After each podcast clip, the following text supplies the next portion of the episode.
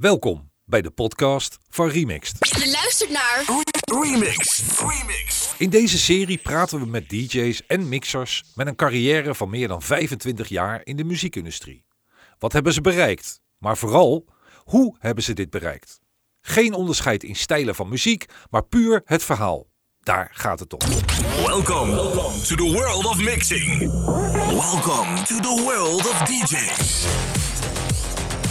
This is Remixed. Vandaag het gesprek met Lex van Koevoorde. Van het draaien in het honk in Leijenburg naar feestjes met de drive-in show, van Radio Stad Den Haag via Ramshorn naar Atlantic Ocean tot uiteindelijk een eigen perserij. De hele carrière van Lex uitgelicht in een podcast in twee delen. Eerste vraag: wat is leuker, Lex? Platen produceren of platen persen? Ehm, het is allebei leuk. Ehm, met platen persen eh, heb je een beetje het idee dat je nog wat eh, kan toevoegen aan de kwaliteit. En met platen produceren weet je nooit wat het, eh, wat het wordt. Je kan er 10 verkopen, maar je kan er ook 10.000 verkopen. Dat, en het is allebei leuk. Eh, persen lukt over het algemeen, of het snijden van de, van de lakkers lukt over het, over het algemeen altijd wel. En bij produceren kan je ook wel eens hebben dat je een paar avonden bezig bent en de volgende dag alles weggooit omdat het helemaal bagger is. En dat gebeurt in demootjes zo vaak. Ja, absoluut. Ja, en dat is in, in het, wat jij doet met het persen. eh, Is het, k- verander, kan jij dan nog iets veranderen aan de kwaliteit? Of hou je het eigenlijk zoals het is gemasterd? Nou, eh, over het algemeen, ik heb, ik heb heel veel van grote maatschappijen. En die hebben het van tevoren laten masteren. Dus dan doe ik het zoveel mogelijk één op één. Maar je hebt bijvoorbeeld ook als, uh, als platen, er zit eh, heel veel hoog zit daarin. Ja, dat gaat slissen, dat gaat vervormen en alles. Dus dan hou je daar, wat- daar wat van af. Dan pas je het een beetje aan of je doet wat laag erbij. Dat het gewoon echt lekker op vinyl komt. Eh, ik, ik pers ze zelf niet. Ik, ik maak alleen eh, de lakplaat eigenlijk. En eh, dat is eigenlijk de master. Ja. En die wordt in de fabriek wordt die verwerkt. En uiteindelijk komt daar dan een, eh, een plaat uitrollen, om het zo eh, heel even kort te zeggen. Ja. En ik heb ook een machine, daar kan je gewoon direct een, een plaatje mee snijden. Dus die snijdt direct de groeven in het vinyl. Eh, dat wordt eigenlijk gesneden en ook niet geperst. Dus ik, doe, ik zit eigenlijk een beetje op in het, in het voortraject ervan. Oké, dus dat het echt wel een eerste plaat is. En van daaruit gaat hij dan naar de perserij Ja, om hem zeg maar te kopiëren. Ja, die kopiëren ze eigenlijk drie, vier keer. En uiteindelijk dan, eh, ze maken vader en moeder. En dan uiteindelijk maken ze. Uiteindelijk kom je dan bij de, bij de matrijzen. Maar dan ben je eigenlijk, eigenlijk al bij de vierde kopie. Ja. Eh, of de derde kopie. Nou, laat maar zoiets in ieder geval om het even simpel uit te leggen. ja. En ehm, ja, hoe heet het? Dus de, de uiteindelijke vinyl eh, die je in de winkel eh, hebt liggen, dat is altijd een, een, een- kopie van de master. Want hij, moet, hij moet een keer positief, een keer negatief. En dan moet hij, hij wordt eerst verzilverd, dan komt een positief en negatief uit. En uiteindelijk eh, wordt daar dan van gepest. Heb jij nog steeds het gevoel dat een, een echte vinyl altijd nog steeds beter klinkt dan een CD of een MP3'tje? Ja, het hangt er een beetje vanaf. Eh een echte vinyl klinkt, klinkt wat warmer. En eh, hij heeft wat beperkingen ook in, eh in frequentiebereik en alles. Daardoor lijkt hij al gauw wat lekkerder te gaan klinken. Maar als je hem op een slechte draaitafel afspeelt, dan klinkt hij nergens naar. en ja, wat betreft de digitale dingen. Kijk, in de jaren negentig was het allemaal net nieuw. Toen waren al die converters niet zo goed. En nu is het allemaal veel beter geworden. Dus het, klinkt wel, ja, het klinkt wat agressiever en eh, dat hoor je ook wel in de producties. Als je bijvoorbeeld een, eh, een plaat uit, eh, uit de jaren 90 of, of, of uit 2001 of zo neemt. En je neemt er eentje van nu, dan zijn ze, ja, ze, klinken wat, wat harder, het klinkt wat agressiever allemaal. Omdat, ja, al, die apparatuur is gewoon beter geworden. De, mensen die alles in de box maken, klinkt ook wel anders dan met, dan met hardware. Ja. Ja, zo blijf je een eeuwige, eeuwige discussie hebben. eh, Ja, altijd. jullie hebben nog niet zo lang geleden die, eh, die, eh, die Clubheads remix geperst. Dat was die winnaar ook van een contest. Ja, klopt. Ja. Dat, dat was, even kijken, dat was van, van de Facebookgroep, was dat de winnaar. Ja. En die heb ik eigenlijk digitaal gehad en die heb ik direct in een vinyltje gesneden. Dus dat is gewoon een enkele oplage was dat. Geweldig. En ja, die jongen die heeft hem nou thuis als het goed is. Ah, fantastisch en dat soort dingen.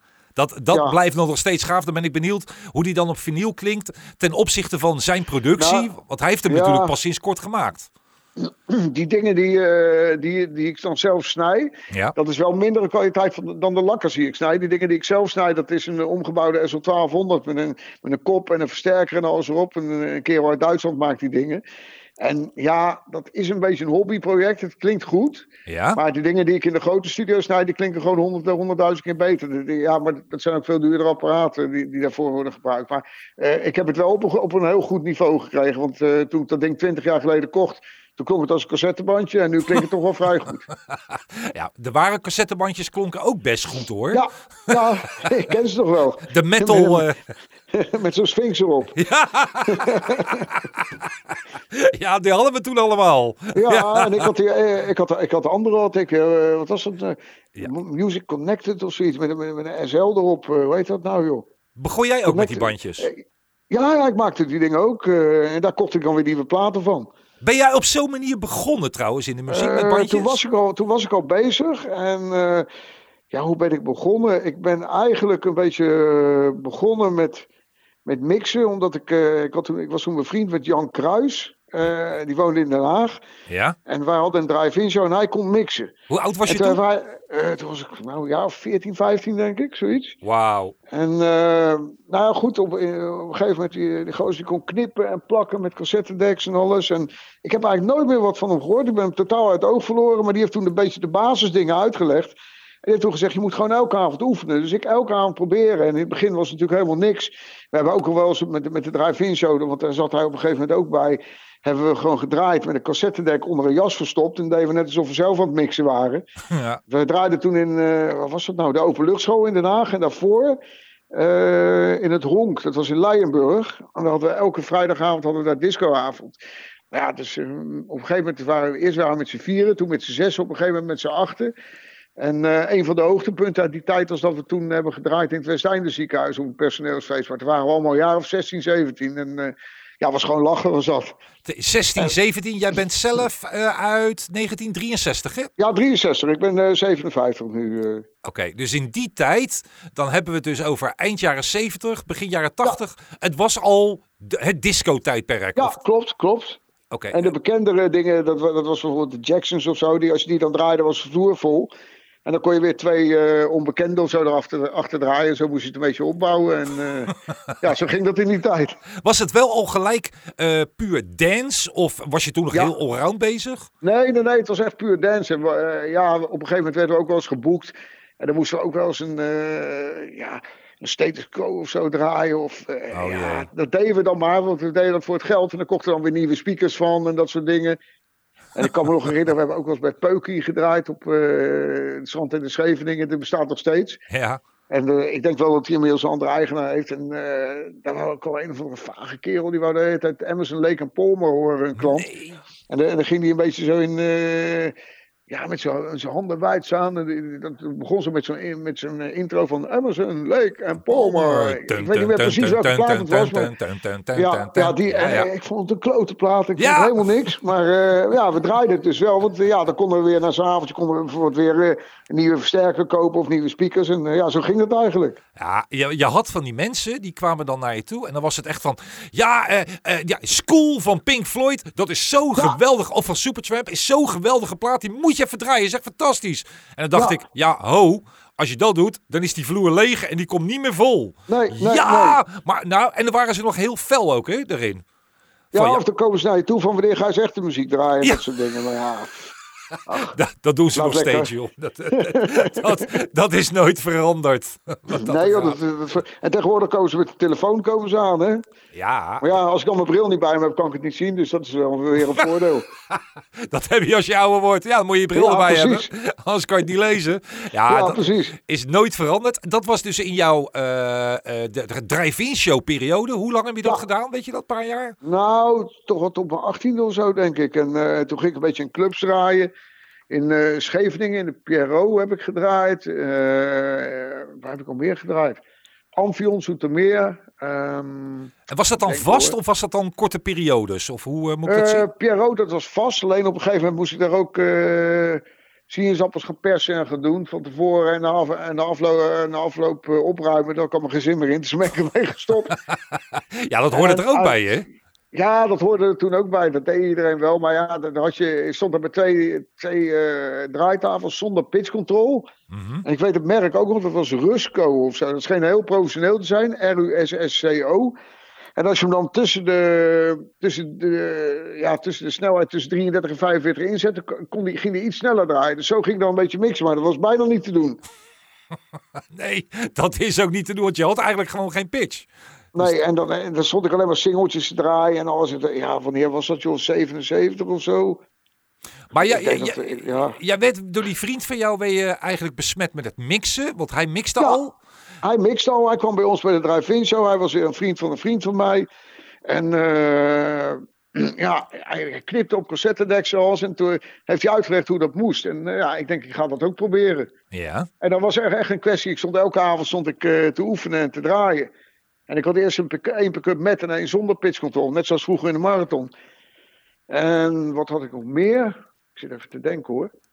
Eh, op een gegeven moment had ik, eh, werkte ik bij Siemens, liep ik stage. Ja. En toen heb ik in de personeelswinkel een Siemens eh, pick-up gekocht met pitch control. En toen had ik ook nog een technisch met pitch control. Dus had ik er twee met. En ja, toen ik klaar was met school, toen heb ik... toen wilde ik SL's hebben. Toen heb ik één, heb ik de hele zomer voor gewerkt. Voor uitzendbureaus en alles. En die andere heb ik gekregen eh, omdat ik geslaagd was voor mijn examen. En die heb ik nu nog steeds, die SL's. Die doen het nog prima. En die heb, jij hebt gewoon die SL's heb je nog steeds. Ja, die heb ik nog steeds. Ja, dat, en hoor, die, gebru- die gebruik ik af en toe nog wel eens. Dus eh, dat hoor je echt van iedereen, Ja. hè? Van die ja, SL's. die heb ik. Die- Zijn die kapot te krijgen, die dingen? Nee, het, is, eh, het enige wat kapot is zijn de twee lampjes. Ja, nou lekker voor, ja, nou ja, dat moet ik een keer vervangen. Maar ja, laat maar. Komt wel een keer. Ah, dat is ook voor de rest helemaal geen probleem.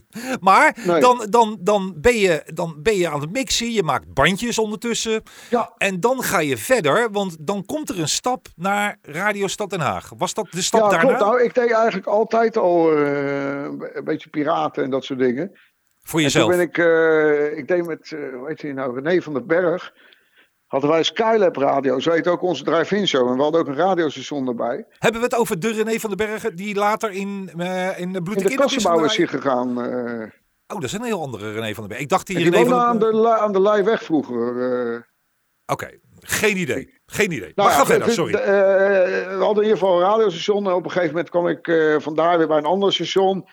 En toen op een gegeven moment kwam ik, eh, ik weet niet meer precies hoe dat is gegaan, kwam ik bij Radio Penelope terecht. Dat was een van de discostations van Den Haag. Ja?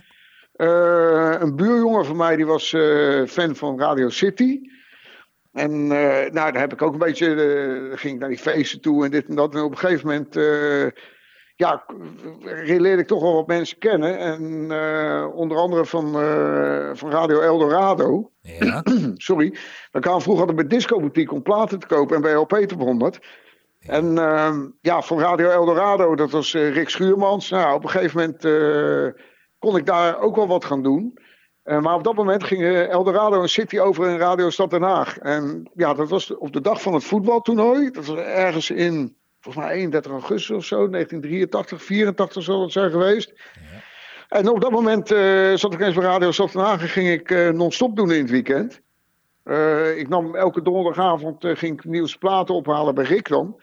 Nou, ik nam die non-stop banden op. Dat was een band van vier uur en die liep het hele weekend. En dat, dat sloeg heel aardig aan. En toen werd ik ineens populair, om het zo maar te zeggen. Maar dat waren En, eh, non-stopbanden. Eh, daarvoor, bij die andere piratenzenders, was dat ook Dat- non-stop eh, of ook dat presenteren? waren, dat waren ook dat waren mixprogramma's en dan kondigde ik een beetje aan wat ik had gedraaid. Of, of het was non-stop en dat soort dingen.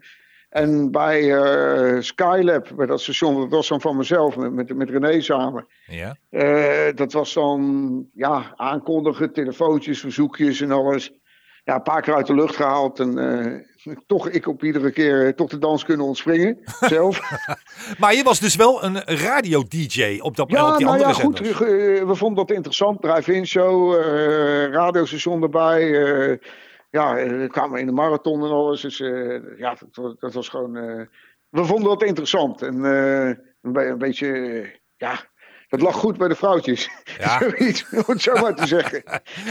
Ja, bent de artiest natuurlijk. Ja, maar dat- artiest natuurlijk waren we toen. Hè? Van kom je een bandje opnemen en dan... eh, ja, ja, radio dit en dat. Nou, eh, mensen die de telefoon aannamen en eh, verzoekplaten. En, ja, het, was gewoon, het was best een leuke tijd. Het mocht niet, maar het was, het was gewoon hartstikke leuk. de piraten waren helden toen de tijd. Ja, klopt. Echt waar. Klopt. Dat was als de luisteraar... ook alle import. want ik vond alle andere muziek vond ik maar niks wat er normaal op de radio werd gedraaid. Mhm. En eh, wij draaiden Amerikaanse import en Italo en eh, ja, van alles eigenlijk. En dan probeerde ik toch iedere keer de eerste te zijn. maar dan ging je ook al platen kopen. Dat deed je dan al bij, je zei al LP top 100. Ja, ja, ja. En op een gegeven moment ook bij Van der Bos en Nieuwkoop, bij Boni. Ja. De, bij, bij, het label van Break Records.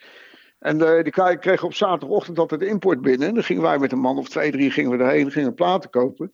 En dan weet ik al wel, dan kregen we... Dan kregen we ze voor inkoop, maar we moesten dan wel BTW betalen. Maar we kregen dan 50% korting op de BTW. Nou, dat kon natuurlijk helemaal niet, maar uh, we hadden wel die platen heel goedkoop. oh, ja, maar dat deed je dan vanuit, je, vanuit de winsten die je van de drive-in show had? Uh, vanuit de drive-in show en vanuit uh, en, en ook gewoon zelf mijn eigen geld erin steken. Want ik, ik werkte toen af en toe hier en daar ook een beetje. Ja. En ja, ik verkocht bandjes en van dat geld kocht ik nieuwe platen. Noem eens, noem eens een plaat uit die tijd, zeg maar, dat je in, in je beginperiode, waar je nog zo'n goede herinnering aan hebt. Een van je eerste 12 inches, laten we het zo zeggen. Oeh, een van mijn eerste uh, 12 inches. De allereerste weet ik nog. Dat, is, dat was uh, Baby O in the Forest, een discoplaat. Wauw. En volgens mij was de tweede American Gypsy met I'm Okay, You're Okay. Oh, ook zo Disconet remix. Ja, met een mooie label. Die herinner ik me nog heel goed eigenlijk. En ja, die heb ik ook nog steeds. Geweldig. Ja, dan weet ik ook een beetje over welke periode we het hebben. Dat is wel ja, heel... 79, 78, 79 zo'n beetje. Ja, toen was al disco voor jou helemaal het. Dan ja. uh, ga je langzaam via de importzaken, ga, kom je bij Radio City, oftewel Radio Stad Den Haag uit. Ja, want en... dat was City en Eldorado. En ik was uh, eigenlijk bevriend met de Eldorado-clan. Ja. En uh, ja, zodoende kwam ik op de dag dat zij samen gingen, kom ik bij, bij Radio Stad Den Haag uh, terecht. Je realiseerde je wel heel goed dat je op, een, op illegale stations was, hè? Ik bedoel... Dat, ja, ja, ja, dat interesseerde me niet eigenlijk. Want ik had zelf ook zenders thuis en uh, ik liep er zelf ook een beetje mee te klooien. En nou, ik vond het wel goed. Het is ook spannend. Ja. Ja, zo is het toch? Ja, Want, ik zag er het kwaad niet van in en uh, nog steeds niet hoor. Nou ja, jij leverde je banden aan en jij was natuurlijk niet bij de live shows dan aanwezig. Nee, maar dat... ze hebben mij wel een keer, uh, ik heb wel een keer een middag vastgezeten uh, hierdoor. Want wij zaten toen op een gegeven moment, werden programma's van tevoren opgenomen. En op zondagmiddag was het altijd aan de Ocarina-laan bij Herman van Velzen thuis. Ja. Was hartstikke gezellig en een drankje erbij en opnemen en... Nou ja, ik kom op een gegeven moment, kom ik, uh, ik had weer eens een nieuwe plaat uit. Dat uh, was ook een beetje in de begintijd dat ik uh, net vinyl, mix op vinyl deed. En ik belde aan en er komen in één keer 30 regisseurs naar buiten toe. Nou, oh. komt u maar eens even mee. Nee! Maar ja, on, ja ondertussen hadden ze, toen ik onderweg was naar het politiebureau, hebben ze bij mij thuis... hebben andere mensen van Radio Stad hebben heel snel de studio leeggehaald. Oh. Zodat ze die niet in beslag konden nemen. En ik heb gewoon alles ontkend en er nooit meer wat van gehoord. Tien jaar later hebben we een uh, reunie gehad. Hebben we die mensen van de RCD en van de bijzondere wetten en uh, die agenten al eens uitgenodigd. En toen heb ik, uh, heb ik gewoon gevraagd, joh, ik heb er nooit wat van gehoord. Ja, ja, jullie waren wel goed bezig, maar het was een beetje te professioneel. Maar jullie zijn allemaal goed terechtgekomen, kreeg ik toen als antwoord. dus dat was al lachen op zich, want die mensen luisteren zelf ook. En ik heb een van die lui laatst nog een keer ontmoet, omdat ja, als hobby ben ik ook centamateur. Ik heb later gewoon als dekmantel eerst een uh, vergunning gehaald. Om al die, uh, die apparatuur in mijn bezit te mogen hebben. Dat was toen een beetje een maas in de wet. Ja. En ja, dat, heb ik jarenlang gedaan. Toen heb ik dat een jaar of zes geleden heb ik dat weer opgepakt. Heb ik nog een examen gedaan. Nou heb ik gewoon vergunning voor alles en mag ik alles doen. En toen kwam ik dus een aantal opsporingsambtenaren van vroeger weer tegen ergens op een beurs. Dat was wel lachen op zich. Je kon weer even bijkletsen. Van ja, hij zegt, hij zegt, ik ken jou ergens van. Ik kom een keer ergens iets ophalen. Ik ben geloof ik anderhalf uur blijven hangen. Maar ja, die mensen zijn ook 75, 80 zo'n beetje. Dus ja, Ach man, dat is uh, allemaal verleden tijd qua jongens streken. Ja, tuurlijk. Dat is ook nu en, niet ja, meer En zo ben ik er een beetje, een beetje ingerold, ook uh, via de radio. En dan op een gegeven moment de over, overstap maken naar, naar plaatjes. En dat mensen me al kennen van het, van het mixprogramma. Ja, ja want, was het iets makkelijker. Ja, want dan ga je dus aan de gang bij Stad Den Haag. En ja. daar maak je dan je non-stop. Dat wordt steeds populairder. En ja. dan komt er op een gegeven moment, ik weet niet wie het is geweest. Wie kwam naar jou toe met het verzoek van, joh, uh, wij willen een Stad Karamba mix gaan maken? Ja, ik kwam er eigenlijk niet zo goed tussen. En toen samen met de vorige eigenaar van Radio Stad, waar ik ook nog steeds heel goed bevriend mee ben, -huh. uh, met Rob, dachten we van, joh, wij, wij, wij, gaan ook, ja, Rob Velders, wij gaan ook plaatjes uitbrengen. En uh, ja, zus en zo. eh, maar ja, we wisten natuurlijk helemaal niet hoe dat moest. Dus eh, hij kende weer iemand die, eh, die deed voor hem de. Ja, die handelde de reclames en alles af. En die, die wist wel een weg om dat te doen. Ja. Dat was een soort promotiekantoortje. En die zou het wel voor ons regelen. Dus nou, ik hoefde alleen maar de band te maken en die mix te maken. En eh, we gaven het aan die, eh, aan die derde eigenlijk. En die zorgde ervoor dat het op vinyl kwam. Maar dat ging prima bij de eerste. ja. En bij de tweede ging het ook hartstikke goed. Maar hoe was die eerste gemaakt? Hoe had je die? Eh, Was op met eh, bandrecorder? ge- gewoon van plaat gemixt en op een, op een eh, Revox A77 in elkaar geknipt. Maar met, die eh, was fantastisch hoor. met die plakkertjes en alles. En eh, ja, wist ik veel hoe hard het allemaal moest. En alles in het rood en alles. En eh, dan weer iets zachter, iets harder. En ja, het, eh, uiteindelijk was het resultaat was prima.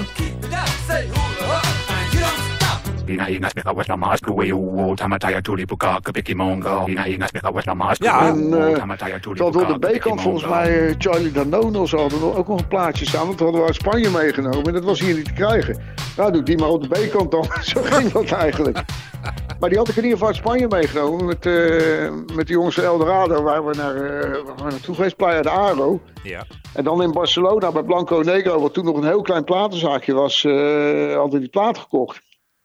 Ja, die was hier niet te krijgen. Dus wij zagen natuurlijk alweer een gat in de markt. Dan maar gewoon op een bootleg op de achterkant. Ja, en ja, ik weet, op dit moment, ze weten het ook gewoon nu. En eh, we kunnen er allemaal hartelijk, hartelijk om lachen. Ja, heel tuurlijk. Want eh, hoe moet ik het zien? Hoeveel verder er nou van die stad, eh, stad Karamba Nou, niet zoveel, Ieder- misschien, duizend stuks of zo, denk ik. Oké. Ik heb, was- ik heb eigenlijk geen idee, want ik kreeg wat voor het maken. En voor de rest trokken wij een beetje onze handen ervan af. Ja, natuurlijk. En, maar- eh, maar wij betaalden het ook niet. Eh, het was gewoon van, eh, ik, ik kreeg al wat van de verkoop. Maar, nou, stond wel op was dat het Lex was. een was, leuk. Het, het, het was niet zoals 84 en... wat was het? Eh, 84 en dat was- 40 Dat was minuten. een iets betere deal, eh, heb ik gehoord. Die, hadden het heel slim. eh, Die hebben het heel goed gedaan. ja, Die hebben het heel goed gedaan. Nou, dan, dan doe je het allemaal uit je eigen naam en dan doe je alles in eigen beheer. Maar ja, je weet hoe Ja, het maar dat wist ik toen nog helemaal niet. Joh. Dat, eh, we hadden gewoon iemand die regelde dat. En, eh, nou, ik, was al blij, ik was al blij als ik eh, die plaat in mijn handen had. En, eh, ik reed op een gegeven moment in de auto. eh, er lag een doosje naast op de stoel. En in Ja. stoplicht eh, ging die plaat naartoe. Van eh, kikken en dit en dat. Ja, de eerste keer dat je je eigen plaat in je handen hebt, man. Ja, joh, dat is gewoon raar. Dat is, eh, dat is echt gaaf. Is dat. Je weet niet hoe je het hebt. En dan, dan, dan door dat succes komt de volgende, Stad Mafia Mix. Ja, klopt. Dat was de volgende. En op de B-kant, wat was het? Shiver, Never Coming Back. Oh, dat weet ik dan niet meer. Dus dat weet jij weer heel Ja. goed. Goed zo. En die was toen nummer 1 in de flitsende 50. Daar had ik alleen wat knipjes in gezet. En, en de andere kant was die mix. Ja, maar Dat bij de derde... Maar, maar het zat, kijken, daar... hoor. Ja, zat bij daar de derde in- heb ik nog een heel leuk verhaal. Ja, wacht even. eh, Wacht even, Lex. Wacht even. Eh, Lex. Toen was er een controle van Buma Stemra Oh, Hij volgens mij. gewoon door. Ja, ja, Maar ja, door. wij wisten natuurlijk nergens van. Ja. En op papier stonden er iets meer dan, eh, dan er in het echt waren geleverd. Of er iets minder. Dus wij hebben gewoon die dingen afgegeven. Maar er waren nog genoeg in voorraad. En eh, die tussenpersoon die moest toen een con- contract tekenen... dat hij nooit meer eh, een illegale mix in zijn in zijn handen zou hebben. En anders zou hij ook 50.000 schulden boete of iets krijgen. Maar ja, wij wisten nergens van en eh, wij zijn de dans mooi ontsprongen zo. en dat is ook meer dan 40 jaar geleden is dat... Ja, dat is niet te geloven. Maar die, die, die eh stap maffia, nee, die karamba mix en die maffia mix. Waren Ja. dat nou, eh, mocht je die, wa- was dat helemaal vrij uit, mocht je gebruiken wat je wilde qua Ja, platenkeus? ik, ik mocht gewoon die mix maken. En als ze die mix leuk vonden, dan, eh, dan kwam die uit. Doe er maar wat leuks mee. Ja, ik heb gewoon uit de bakken wat, wat gepakt wat leuk in elkaar paste. Ook geweldig. Eh, en wat, wat ik goede platen vond op dat moment. En eh, aan elkaar gemixt, aan elkaar geknipt. Gaat- ik heb er niks aan veranderd. Eh, hij is gewoon zo, eh, zo gebleven. Dat is eigenlijk bij, de, bij alle drie zo geworden. Er zijn nog steeds heel veel mensen, daar behoren die mixen tot hun favoriete ooit. Hè? Gewoon omdat Ja. ze, en ze kennen hem ook door en door. Ja, klopt. Ik herken hem zelf ook nog steeds. Eh, dat is echt lachen. Ja, ja, ja. Ik heb nog een ander leuk verhaal daarover. Dat Oh, ja. was eh, over de laatste, over de Dragonfire. ja. Eh, op een gegeven moment, wij gingen altijd op dinsdagavond gingen we altijd zwemmen in een tiki-bad met Radio Stad. En met nog een aantal mensen. Tikkie Er Bad van zat ook een garage bij, die heette Willem. Ja. Ja. Nou, Willem had een idee. We gaan autoshampoo in een tiki-bad gooien. Nee! Dus wij hadden allemaal zakjes autoshampoo in, de, in onze zwembroek. En uh, nou ja, uh, hoe heet het? Uh, het hele tikibad vol met, met schuim, geloof ik, 10 meter hoog of iets. Heeft nog in de krant gestaan. en die avond werd in tikibad al mijn autopapieren gestolen of ben ik die verloren of iets. Maar de volgende dag moest ik met Rob Velders naar Duitsland om Dragonfires weg te brengen. Dus ik in mijn BMW, die hing half op de grond. Met 500 platen achterin. Bij de grens over. Maar ik had geen paspoort meer. Ik had geen uh, autopapier, ik had niks. Ik had alleen een uh, soort proforma factuur gekregen. Maar ik ben toch de grens overgekomen. We knepen onze moest naar Düsseldorf. Met 500 van die platen in de achterbak. En ik had helemaal geen papieren, maar die dingen moesten weg. dus echt uh, een heel vaag verhaal is dat. En dat was eigenlijk op die dag, ik weet niet meer precies wanneer dat is geweest, dat het, dat het Heiselstadion is in, ingestort. Want ik weet nog, we kwamen s'avonds thuis uit Duitsland. Ja. En toen waren die beelden op tv. Dat is ergens ook in 84 of zo volgens mij geweest ja, uit mijn hoofd. 4, 85 zo ongeveer. Ja, zo, rond, zo rond die tijd of 85 zoiets. Dus dat, dat weet ik nog heel goed. Maar ja, daarvoor waren we dus, dus naar het zwembad geweest. Nou, de volgende dag moesten die platen naar Duitsland. Ik was al mijn papieren kwijt. en s'avonds uh, die ellende daar van, uh, met het Heiselstadion. Dus dat, dat, vergeet je gewoon nooit meer. Uh, Nee, dat, dat zijn van die, die historische momenten. En dan Ja. valt het precies zo samen.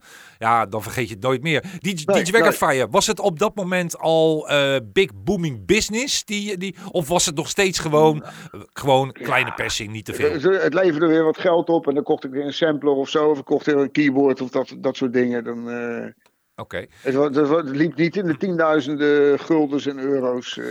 Je, was een, je was een van de weinigen waar wel gewoon de naam op het label stond.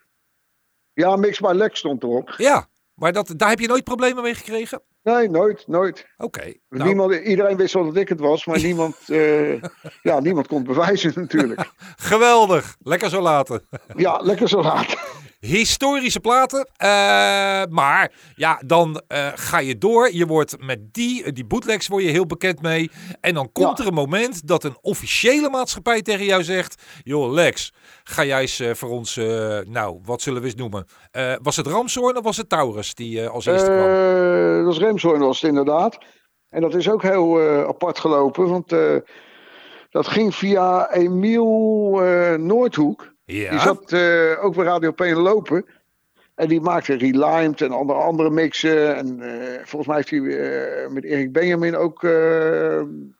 die Voyage is daar volgens mij... Heeft, heeft Erik in zijn studio geknipt. ja die Discord. En ja, hoe heet het? Die, die was er op een gegeven moment zoveel mee bezig... dat zijn vrouw een beetje ging tegensputteren volgens mij. En het was echt zo van, hij moest ermee stoppen of het ging niet goed meer. En toen heeft hij mij opgebeld van... joh, ik moet voor Remzorn wat maken. Eh, zou jij dat af kunnen maken? Want ik ga ermee stoppen. Nou, en zo ben ik daar een beetje ingerold. Dat heb ik toen gedaan. Dat kwam uit. Het was verder prima allemaal. En eh, gewoon netjes betaald gekregen. En niks aan de hand. En toen heb ik een half jaar van Remshoorn niks meer gehoord. En toen heb ik ze eens opgebeld. Toen heb ik gezegd, joh, ik heb toen dat en dat gedaan. Hebben jullie nog eh, interesse om meer dingen te doen? Ja, en op een gegeven moment was ik wekelijks dingen voor hun aan het doen. Dat- Maar ik ben eigenlijk, omdat, eh, omdat Emiel ermee stopte, ben ik, eh, ben ik daar toen ingerold. Jedem. En dat heeft ja, je geen wind aan je nodig die die mix afmaakte. En eh, ja, er, er waren in Den Haag niet zoveel mensen die mixen toen. Mhm. En En eh, ja, zo- zodoende, want die kende ik al van Radio lopen. Ja, maar ook nog eens het voordeel dat Ramshoorn toen onwijs bezig was met Italo. Klopt. Dus je- ja, het was ook nog eens een keer in jouw straatje. Ja, het was gewoon makkelijk eh, inderdaad. En op een gegeven moment heb ik ook andere dingen voor hun gedaan. Maar zij, eh, ja, ze waren met heel veel dingen bezig. Wauw, ja, ik zie het. Ik ga het lijstje even af op Discogs. Nou, als ik al zie van Japta en eh, de, de, de, even kijken, de Walkman, Casso, Radiorama. Je hebt er zoveel voor gedaan. En Want dan kwamen ook, op een gegeven moment kwamen die Italo beats kwamen om de hoek kijken. Ja, dat was echt, dat was echt een succes was dat. Ja. Eh, daar gingen er echt heel, daar gingen er tienduizenden van weg volgens mij. Maar ja, stom als ik was, had ik natuurlijk geen, niet echt een goede deal. Want ik kocht die mixer gewoon af. Dus ik kreeg 750 of 1000 gulden. En dat was het. Ja. Ja, ik wist toen niet beter. Ik dacht, nou, dat is mooi. En eh, ik maakte er elke week één.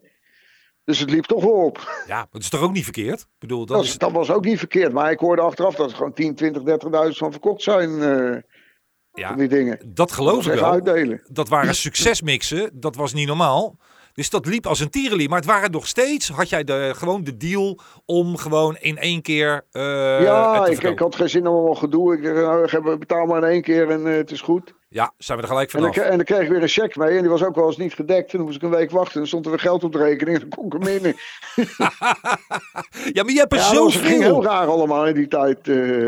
Ja, maar je hebt er zoveel voor hun gedaan. ja, ik heb echt heel veel gedaan. Dat klopt. Het is eh, niet te geloven. Als ik het lijstje afga, kom ik zomaar op 20, 30, 40 platen. Nou, misschien nog wel meer.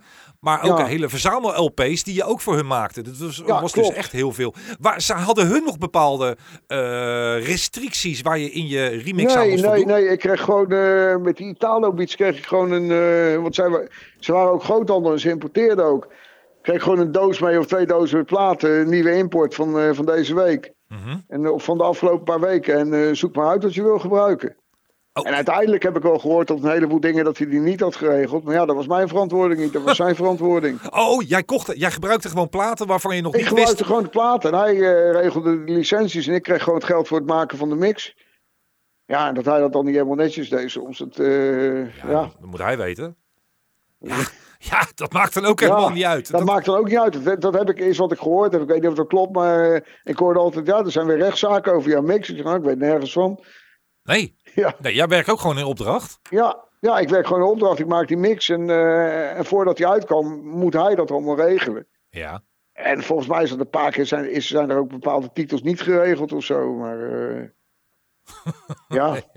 Maar dat had iedere platenmaatschappij wel een keertje. Ik heb over. ja, dat denk ik ook wel. ik heb van Arcade ook heel veel gehoord van. En eh, Ja. eh, ook besluiten die ze erin genomen hadden. Dat brengt mij ook op Ja. het punt van. Als je nou terugkijkt naar die hele oude begintijd. Nog voordat jij zelf eh, je eigen TBM mixen. Zeg maar als eigen Ja. productie ging maken. Voor die tijd. Waren dat nou beslissingen waar je dan achteraf spijt van hebt? Of denk je achteraf van. Nee hoor, ik vind het prima gegaan zo. Eh, nee, ik vind achteraf. eh, ik had er meer aan kunnen overhouden. Maar ik vind achteraf. Waar ik nu ben. Is wel oké eigenlijk. Dat, eh, ik, heb, ik heb een goed lopende studio. Ik zit helemaal vol. En, eh, tuurlijk had je er meer aan kunnen verdienen. Maar ik heb, ik, ik heb sowieso wel wat dingen goed gedaan. Ik heb één mix waar ik me absoluut voor schaam. Die is echt heel slecht. Oh jee. Ik dat is, ja, daar gaat ook een verhaal aan, aan vooraf. Eh Emiel Noordhoek die ging stoppen. Ja. En die had een eh, sampler, had hij. Een eh, Greengate DS3. Ja. En eh, daar kon je één of twee geluiden, de dat werd ook gebruikt door Art of Noise. En je kon in de microfoon kon je schreeuwen of je kon er een input in doen. En dan kon je gewoon ook één of twee seconden samplen, zoiets. Nou, ik wist maar god niet hoe dat ding werkte. Het was gewoon eh, even de microfoon blaren en dan onder een functietoets had je dan op, een, op een hele oude Apple computer kon je een geluidje opnieuw opspelen. Maar op een gegeven moment had Rob Velders dat ding gekocht. Ja. Nou, en eh, ik moest, een, eh, ik moest een, eh, een remix maken van Eloise Whittaker. Maar ja, ik wist niet hoe de sampler werkte en hij wist het een beetje. En uiteindelijk eh, zat er een keyboardje bij en wij een beetje... Uh, uh, uh. En eh, heb ik die remix gemaakt en gewoon op band ertussen zitten knippen. eh, onze eigen samples. Ja, het klinkt echt een partij bagger, maar de plaat wordt goed verkocht ook. Echt waar. Ja, en dat was een sampler die had, die was ooit was die, ontworpen, of, of in ieder geval in opdracht van Art of Noise, maar die, die gebruikte hem in ieder geval ook. Het was een, eh, een Greengate DS3 was dat. Wauw. En die- uiteindelijk heb ik die later weer van Rob overgenomen.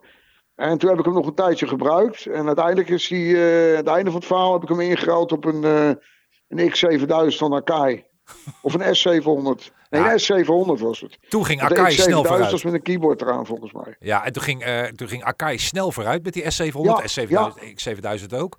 Toen, toen waren hun echt in opbouw. Toen in die periode waren er nog maar weinig mixers überhaupt met samplers. In Nederland hebben we het dan over. Eh, sprak jij die andere mixers ook? Eh Emiel Noordhoek had je het al over? Ja, Eh. eh, nou ik deed eh, ook mee aan de Avos iemand doordraai. Ja. En volgens mij ben ik één keer 60 geworden, één keer vierde of zo. Ja. En daar in de jury zat Ben Liebrand ook. En eh, die heb ik toen ook regelmatig gebeld om wel eens dingen te vragen. Want die was, was eigenlijk onwijs vriendelijk altijd. En die, die stond eigenlijk wel altijd voor je, voor je klaar om even wat tips te geven. En toen waren we met de hele gang van stad eigenlijk op vakantie in Benidorm. En wij liggen daar, eh wij waren er nog één dag of zo. En ik zie in één keer Liebrand met zijn vriendin over het strand lopen. Nee. En die, die kende mij nog van die uh, mixwedstrijden. Dus ik zei, hey Ben, kom even hier. Ja, die kwam er even bij liggen. Hij zei, ja, wij, wij vliegen vanavond. We moeten even kijken waar we kunnen douchen. Nou, toen hebben we hem in ons uh, appartement laten douchen. met zijn vriendin. En sindsdien heb ik altijd contact met hem gehouden. Oh, geweldig. En ook eens wat dingen van hem overgenomen. En als ik iets niet snapte, dan kon ik altijd even bellen en alles. Maar dat, uh, ja, sindsdien, sindsdien zijn we eigenlijk gewoon goed bevriend gebleven. Hij woont alleen wat ver weg tegenwoordig.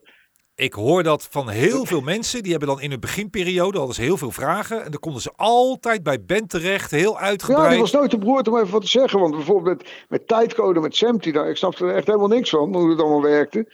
En uh, ja, dan kon ik hem gewoon even bellen. En dan heeft hij even uitgelegd. Ik ben ook een paar keer daar langs geweest. En uh, ja, hij wist gewoon alles. Uh, die wist gewoon alles, bijna. Ja, ja hij was er ook heel vroeg van, bij. Een van de weinigen die, die alles wist. Ja, en hij was er heel vroeg bij natuurlijk. Dus hij had ook die, ja, die apparatuur ja, had hij al heel snel.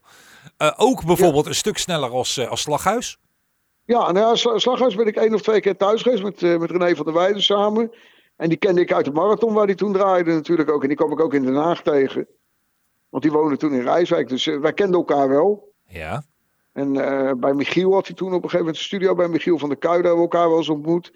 Dus ik kende hem wel. Uh, we liepen niet de deur plat bij elkaar, maar uh, het was gewoon hooi en een praatje maken. En uh, ja, de ene keer kwam je elkaar twee keer in het jaar tegen en de andere keer zag elkaar een half jaar niet. Of een, een jaar niet of zo, zoiets. Precies. Nooit overwogen om een samenwerking met een van die andere jongens te doen? Nee, het, het kwam eigenlijk, iedereen, iedereen deed een beetje zijn ding in die tijd. En dat, ja, dat, dat ging eigenlijk gewoon goed. Ja, nee, vooral omdat het Den Haag, uh, het is natuurlijk een Haagse oh, kring. nee, nee, nee, Michiel... nee. Ik, uh, nee, eigenlijk, dat is eigenlijk nooit in ons opgekomen. Want uh, we draaiden allemaal. Nou, die deed een mixen, die deed een plaatje, ik deed radio. En dan af en toe die mixen voor Remshorn. Ja. En ik had ondertussen ook toen een vaste baan. Dat heb ik vijf jaar volgehouden. Ik werkte eerst bij de ziektewet en later bij een pensioenfonds. En dan ging ik s'avonds... avonds Ging ik, of, ik kon om vier uur dan weg als je met de prikklok vroeg was. nou, dan was ik vier uur ging ik weg, was ik half vijf thuis. Dan ging ik eten en ging, daarna ging ik mixen de hele avond en dingen maken. Jij woonde op jezelf of woonde je toen? Hoe... Nee, ik woonde bij mijn moeder. Woonde ik, uh, in Waldek woonde ik. Had ik een, uh, als een maisonette woning. Ja? En dan bovenin onder het schuine dak had ik al een studio in de slaapkamer. Heerlijk. Ja. ja geweldig. En hoe vond, hoe vond je moeder het? Al dat mixwerk, uh, al dat gedoe? Ja die vond het wel prima. Alleen als ik herrie maakte, vond ze, vond ze wat minder. Dat, dat zenden vond ze eerst absoluut niks. Uh, want ze was altijd bang dat de politie aan de deur kwam dat soort dingen. Ja. Maar later, toen ik uh, uiteindelijk met die mixen bezig was, ja, ze vond het wel prima allemaal. Uh, het boeide niet zo, ja. of was ze wel, of ze, besnapte ze het, laat ik het zo zeggen? Ja, ja, ja, ja zeker, zeker, zeker. Oké, okay, oké, okay. maar het was niet zo dat ik ze Ik heb die twee draaitafels, dan maak ik van twee platen, dat klinkt dan als één. En, nee, dat heb ik toen wel allemaal, allemaal laten zien en alles. Ja. En op een gegeven moment had ik ook gezegd, toen had ik weer eerst een synthesizer en sampler gekocht. Had Rob van Eyck, die was met me meegegaan.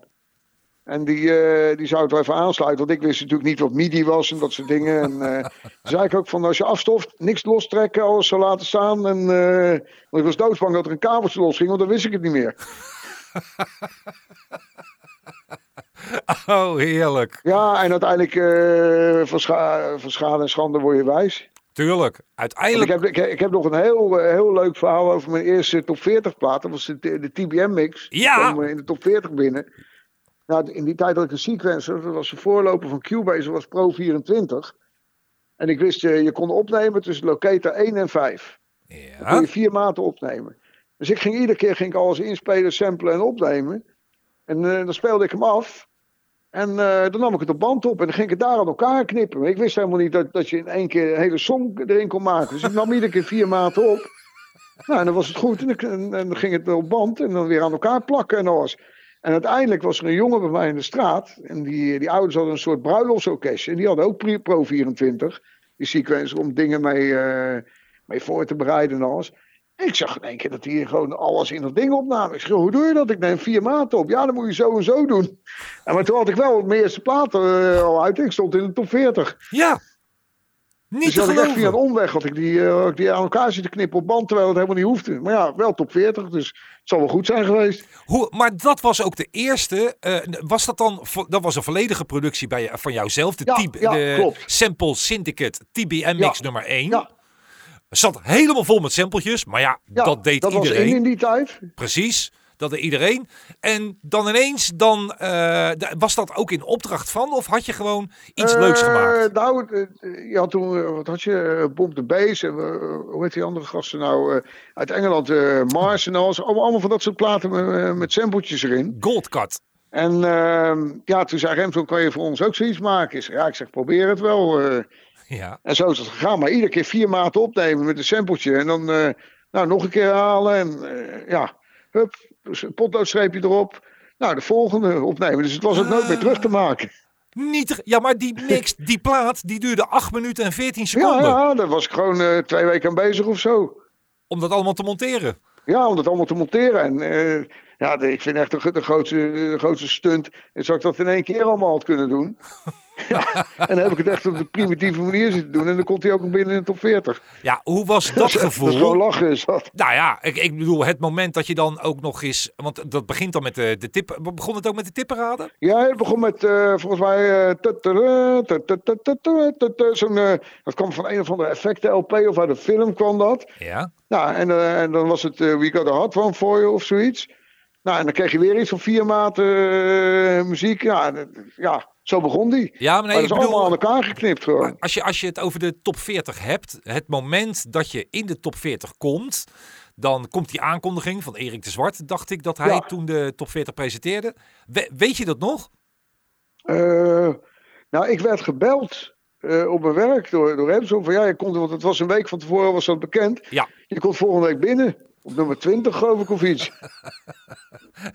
en daar stond ik even heel raar van te kijken. Ik denk, oh, oké. Dan word je gek. Nou ja, ja dan, eh, dan denk je, wat is dit nou joh? En eh, in één keer hoor je je eigen plaat iedere keer. Dat was volgens mij was het op zaterdag of vrijdagmiddag. Ik weet niet precies eh, meer wanneer het was. en dan hoorde je je eigen plaat eh, dat op de radio. Dat was, was gewoon raar. Dat is wel bizar. Bizar Ja. is dat. Ging je ook een top 40 blad halen? Ja, ik wel. Ja, die haalde ik wel, maar ik vond die muziek niks aan eigenlijk wat erin stond. ik vond eigenlijk helemaal niks eh, wat er in de top 40 stond. Maar het was wel leuk om ertussen te staan. Ja, het was 1988. Dat was ja, in de wat, stond, periode... wat stond erin? Eh, de Pop- Eagles of zo? Of, Nee, eh, joh. ja, die gaat dan nog wel, maar... Pop Up the Jam en zo. Pa- ik, volgens mij kwam... waar had ik nou echt zo'n hekel aan. zo'n soort Louis Armstrong plaat, weet je nou joh. Tu. Oh, Eh, ja, Riep eh, Petit. Riep- Oh, daar had ik een ja. hekel aan joh. Dat was ook in die tijd. Ik vond zulke stomme muziek allemaal in de top 40. Jackie Wilson. Die Jackie Wilson, ik vond het zo'n klote plaat echt. Het was wel de opkomst van de house, want het was ook de periode van eh, Technotronic en zo, Ja, 88. ja, en die vond ik al wel weer gaaf en alles. Ja. Maar het meeste wat in de top 40 stond, vond ik helemaal niks. Nee, was een drama natuurlijk. Want bij mij op mijn werk waren ook van die mensen die kochten, verkochten top 40 bandjes. Ja, ik, ik wilde ze nog niet gratis hebben. En, eh, ik verkocht discobandjes op Tuurlijk. mijn werk. Ja. Alleen die top 40 figuren, eh, die verkochten wel wat meer dan ik. Maar ja, jammer dan. Was, was dit al in de periode dat je eh, zeg maar het fulltime ging doen? Of heb je nee, altijd die dat was baan net daarvoor allemaal zo'n beetje. Dat, volgens mij was TBMX was 86, 87 zoiets, denk ik. Misschien 88. 88 zelfs. 88. En ik ben in 90 heb ik mijn eerste huis gekocht. Ja. En een maand later heb ik mijn baan opgezegd toen de hypotheek rond was. en toen zei mijn moeder, oh, je bent niet goed wijs en dit en dat. En, eh, Toen dacht je van, eh, ik ga en toen had doen. ik wel van mijn werk toch, eh, hadden ze, to- toen ik zei ik, ging, ik ga weg, dat hadden ze al lang verwacht. Toen zei ze wel, nou als het niet lukt mag je binnen vijf jaar terugkomen. Dus Wauw. ja, dat, ze waren kennelijk deed ik het misschien wel goed of iets. Was jij op dat moment eh, zeg maar bijna vast in dienst bij, eh bij ja, ik had gewoon een vaste dienst. Ik had tot mijn 65 kunnen blijven. Of eh 67 is het dan nu. Want ik was een jaar of 14, 15 geleden in Thailand op vakantie. Ja. Toen kwam ik een oud collega van me tegen. En die werkt er nu nog steeds. die werkt er nu nog steeds. En die baalde ook, want die moest naar huis. Die moest gaan werken. Zeg ook, ga volgende week naar huis. En ik werk gewoon in de studio. Tuurlijk.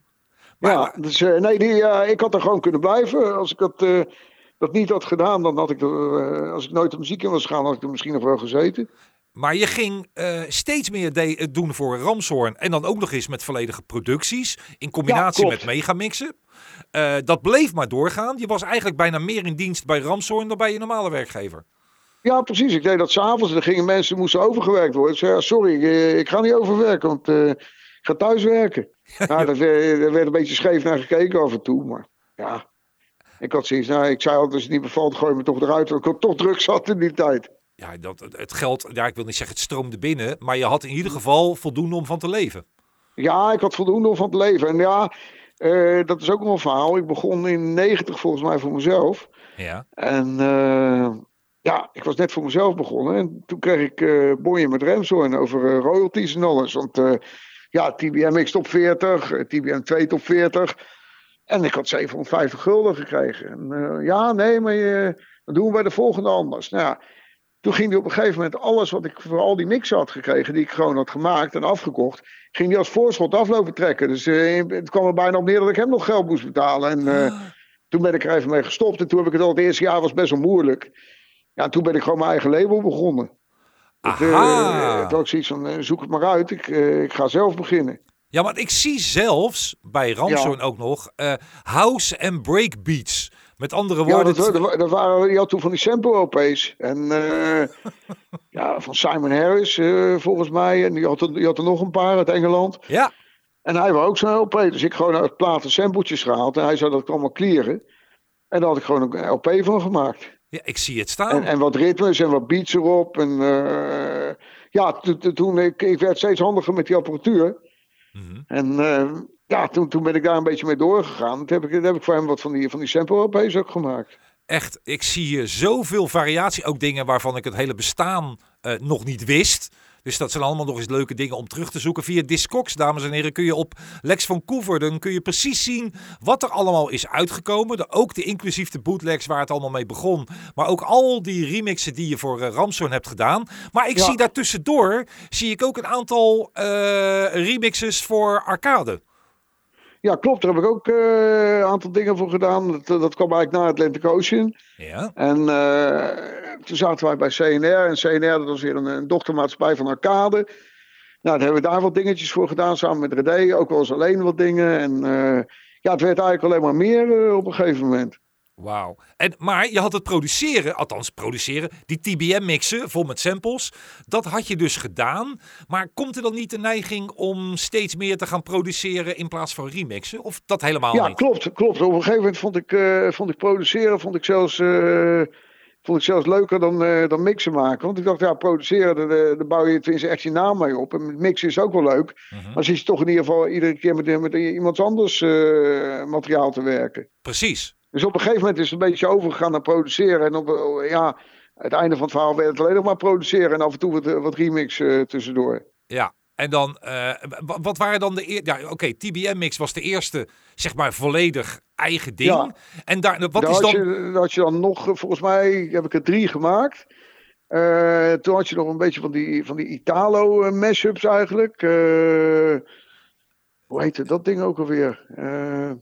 Eh, ik zit- met Rob van Eyck samen eh, heb, ik, heb ik toen wat gedaan. Je bedoelt van die Eh, synthesizer dingen? Proxion en, en Oh, nog een ja. andere. Er waren er twee of drie Italo's op één kantje gemixt. En dat was een, soort, een beetje een soort van mashup was dat dan. Ja. En er zelf een stukje ertussen gespeeld. En ja, echt gaan produceren ben ik eigenlijk pas toen ik mijn eigen label begon. En dat ik was het 100% ben gaan doen. Dance International. Ja, klopt ja. En daar begon het toen mee. En Ja. toen ging En het... toen had ik de, de eerste plaat had ik uit. Eh, die had ik... eh, nou, ik had 3.000, 4.000 gulden bij elkaar gespaard om die eerste persing te betalen. ja. En eh, ja, die ging hartstikke goed. Maar in die tijd had ik ruzie met Remzoorn. En die ging de distributeur van mij, dat was destijds ARS. Die ging ARS bellen van, je moet die platen van Lex niet verkopen.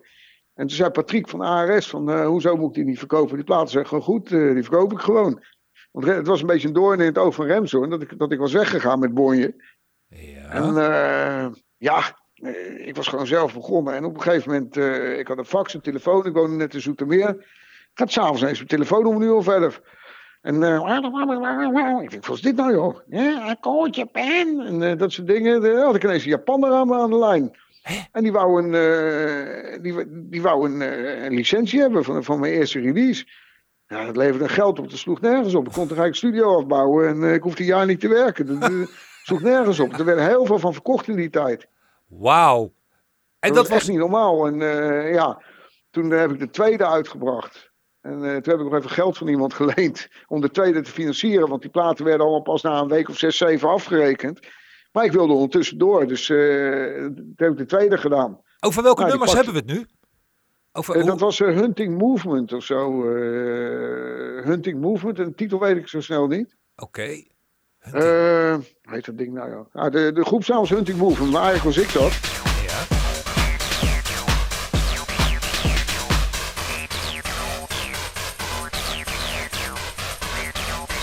Nou ja, en toen ging het allemaal prima. En de derde die ik heb gemaakt eh, was de Dark Raver. Oh! Ja, ja, ja, ja. dat, is, ja. nog- dat is nog een heel verhaal apart. Eh, voordat de Dark Raver met eh, produceren begon, eh, kwam hij eh, bij Stad, Stad Den Haag Records. Bij de, bij de winkel van Koen Bom en eh, Rob Velders Ja. in de winkel. En eh, ja, er moest voor Even City een plaatje worden gemaakt. Nou ja, goed, ik zou die plaat maken, maar we hadden iemand nodig voor op de hoes. Maar Dark Raven liep altijd heel extravagant erbij. Dus toen eh, hadden we hem gevraagd van, joh, kunnen we een foto maken voor op de hoes en dit en dat. Nou ja, al met al had Rob Velders dat geregeld. Dus hij kwam op de hoes. Ik de plaat maken onder, onder zijn naam dan. En eh, ja, die liep ook wel aardig. Die, ook in Japan uitgekomen en dit en dat. En toen is hij later zelf begonnen met produceren. En heeft hij zijn eigen dingen eh, is hij gaan maken. Maar die eerste plaat heb ik gemaakt. Dat kan je zien op de, op de achterkant van de hoes ook. Ja, dat en dan was... was, hij eigenlijk het fotomodel. En toen, ja, hij ging dus ook draaien. En dat ging toen hartstikke goed.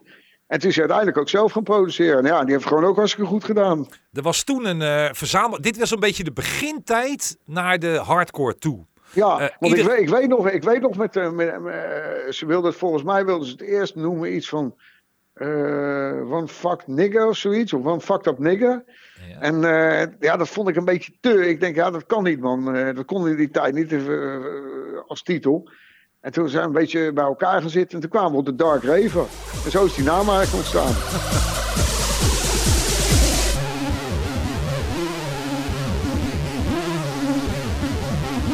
Nou ja, Steve is daarmee verder gegaan. En eh, samen met Ferry, eh, met Gizmo en alles. En dat is eh, prima, ja, die heeft prima gedaan. En Dat, die is toen nog op een verzamel-LP verschenen. Dat heet de Rave Series.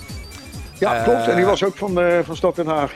Ja, dat klopt. En daar, sto- daar stonden zelfs twee nummers ons op. kent ons, hè. Ja, want daar stond ook Hunting Movement op, het Escape. En, Ja. dat, en daar was Ja, dus... dat, dat was hem. Escape heette die. Hunting Movement. Escape. Dat was de tweede plaat. Precies, en daar En stond die ook... eerste die stond er ook eh, op Bit by Bit. Hardcore is the Future. Ja, en Da- Dark En dat is ook nog een heel leuk verhaal. Daar heb ik ook nog wat, le- wat leuks over. Er zit zo'n computerstem in.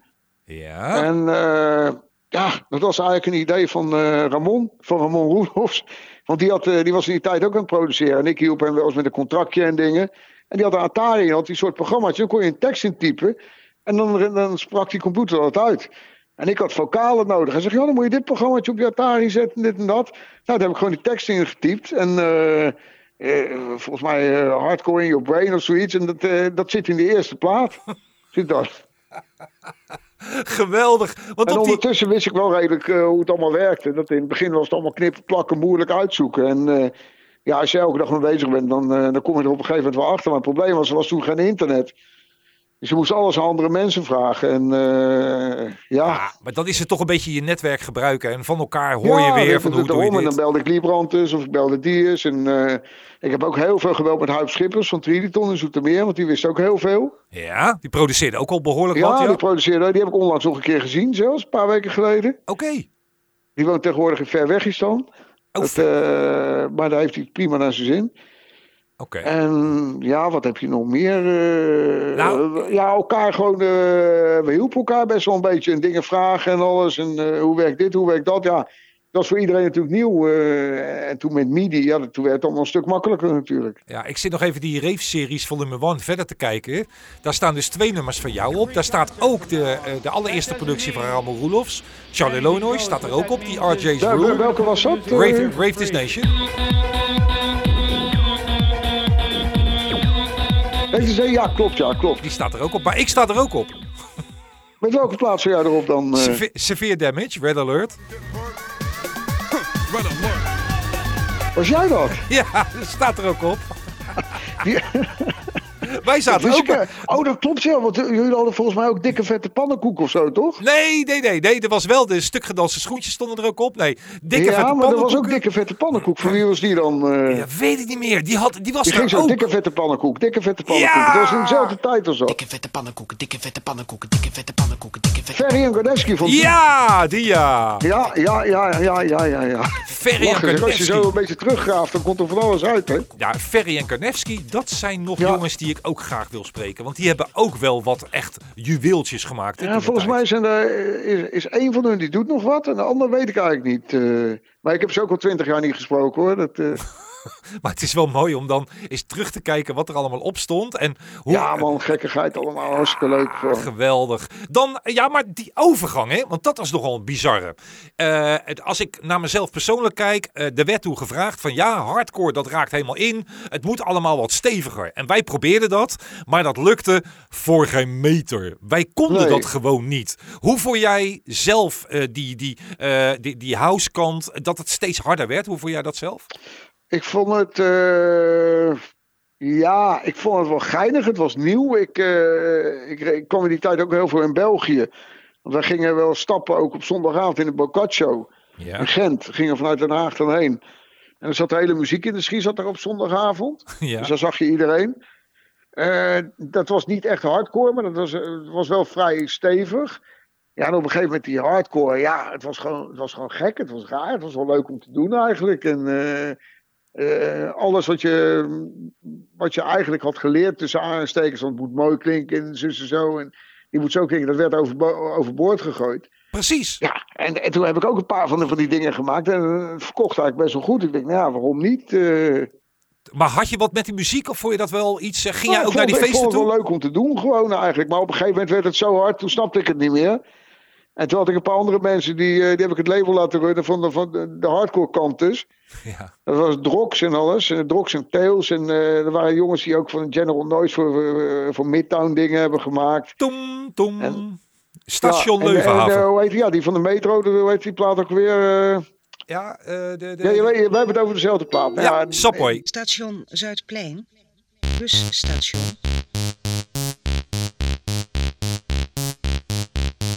Die, die ging op een gegeven moment gingen ze terror maken. Dat was gewoon 240 bpm. Nou, daar snapte ik echt niks meer van. Maar dat heb ik gewoon commercieel als label uitgebracht. Want ik denk, ik zeg nou, als het goed is, eh, als- als- zeg jullie maar of het goed is. dat, dat waren echt eh beats op 240, ja, 240 en alles. En dat verkocht ook als een gek. hoor. Een distributeur in Engeland die deed alleen maar dat soort dingen. En dat was gewoon uitdelen, die platen. Dat ging helemaal nergens over. Nee, het ging op een gegeven moment ging het helemaal nergens over. Ik heb wel eens één keer heb ik een eh, plaatje gemaakt, had ik een nieuwe sampler. En dat heette eh, Ugge Ugge Kaf Kaf. En daar heb ik één keer gehoest in de microfoon. En had ik een hele overstuurde beat en gewoon Ugge Ugge Ugge Ugge. Daar heb ik gewoon 2.000, 3.000 platen van verkocht.